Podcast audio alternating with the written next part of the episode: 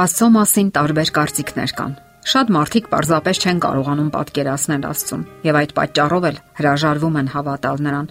Սակայն շատ կարեւոր է, որ Աստված չի դադարում հոգալ մարդկանց կարիքները, որովհետեւ հրաշալի գիտի այն մարդկանց, ում ինքն անձամբ է արարել,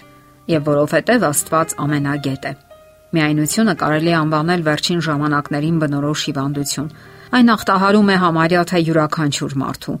Մարդիկ հուսահատորեն այս ու այն կողմ են ընկնում, ձերքները գցում ինչի ասես, միայն թե ազատվեն միայնության անհուսությունից։ Նրանց թվում է, թե նույնիսկ երկինքն է լռել։ Սակայն Աստծո խոսքն ասում է.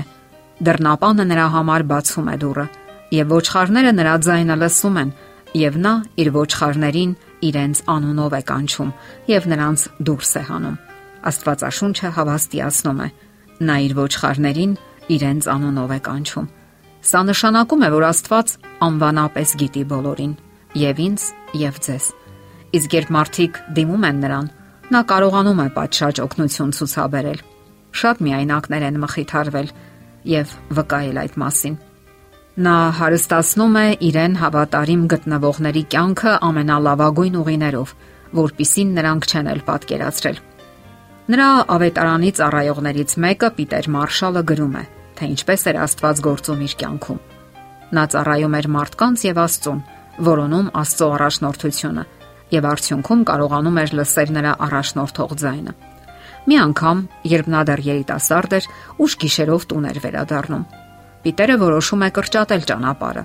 եւ գնալ մեկ այլ ճանապարհով, ածխի հանքերի մոտով։ Այդպես նա բավականին ժամանակ կխնայեր, սակայն որոշ վտանգներ կային։ Տղան լավ գիտեր այդ ճանապարհը եւ վստահ էր, որ կկարողանա անվնաս տեղ հասնել։ Այդ երեկո աստղերը չէին երևում ամպերի տակից։ Տեսանելիությունը 1 մետրից ավելի չէր,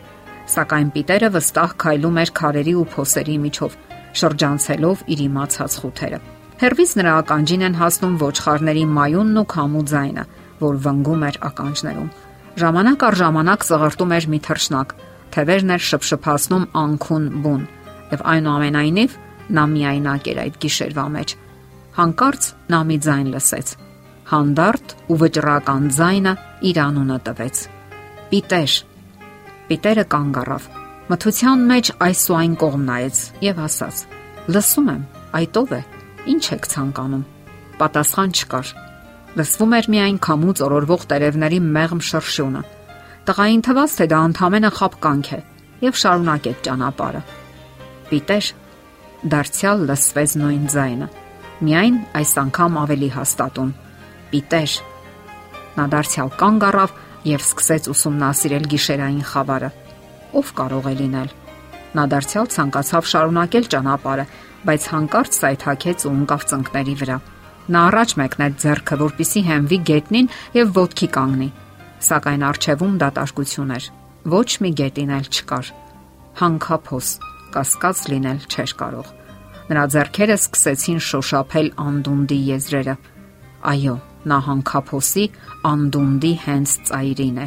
Եվս մեկ քայլ եւ նա կսլանար ներքև անխուսափելի մահվանն ընթառաջ։ Եվ եթե նա չլսեր Աստծո ձայնը, ապա ողբերգությունն անխուսափելի էր։ Այդ ամայի վայրում Աստված ցույց տվեց, որ անվանապես գիտի Պիտերին։ Նա հասկացրեց, որ անտարբեր չէ տղայի ճակատագրի հանդեպ։ Աստված ճանաչում է նաև մեզ, յուրաքանչյուրիս եւ անվանապես։ Նա մեզ տիեզերական արած չի համարում, որից կարելի է թեթևորեն հրաժարվել։ Նա ինքն է արարել մեզ, ապարգևել է իր պատկերն ու նմանությունը։ Մենք նրանն ենք։ Նա հոգում է մեր մասին, սիրում է մեզ։ Նա անznապես գիտի մեզանից յուրաքանչյուրին Նա անտարբեր չէ մեզանից ոչ մեկի ճակատագրի հանդեպ, եւ դա այն բանից հետո, երբ մենք այնքան սխալներ ու մեղքեր ենք թույլ տալիս։ Երբեմն մենք միայնակ ենք զգում, բայց անկասկած է, որ նա միշտ պատրաստ է օգնության հասնել, անվանապես դիմելով մեզ։ Նա կոչ է անում, որ մենք անվտանգության մեջ զգանք մեզ։ Նա տուն է կանչում մեզ։ Եկեք ուրեմն վարվենք ու խոսենք այնպես, որպես թե նա ներկա է մեր կյանքում եւ նրան ենք հաշվետու եւ պատասխանատու։ Հոգևոր հեղինակներից մեկի ստեղծագործության մեջ կարդում ենք. Հիսուսը գիտի մեզանից յուրաքանչյուրին եւ կարեկցաբար է վերաբերվում մեր թուլություններին։ Նա գիտի այն տունը, որտեղ ապրում ենք։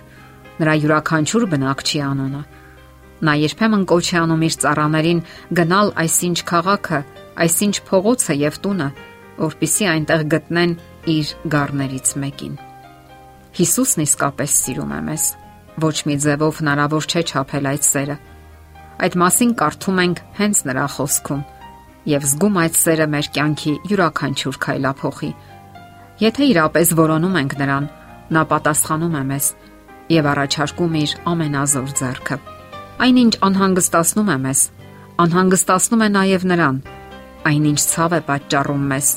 ցավ է պատճառում նաեւ նրան։ Մենք ամենագետ Աստծո զավակներն ենք։ Երբեք չմոռանանք այս ճշմարտությունը։ Նրա շահերը եւ հետաքրքրությունները սերտորեն կապված են մեր շահերի հետ։ Մեզ վերաբերող չնչին բաներն անգամ չեն վրիպում նրա ամենատեսաճքից։ Նրա հոգատարությունն ու ուշադրությունը իր զավակների փրկության գրավականն է։ Եվ թող մեր սրտերը ցնծան նրա սիրուց եւ հոգատարությունից, որովհետեւ նա ամենագետ Աստված է եւ անվանապես գիտի բոլորիս։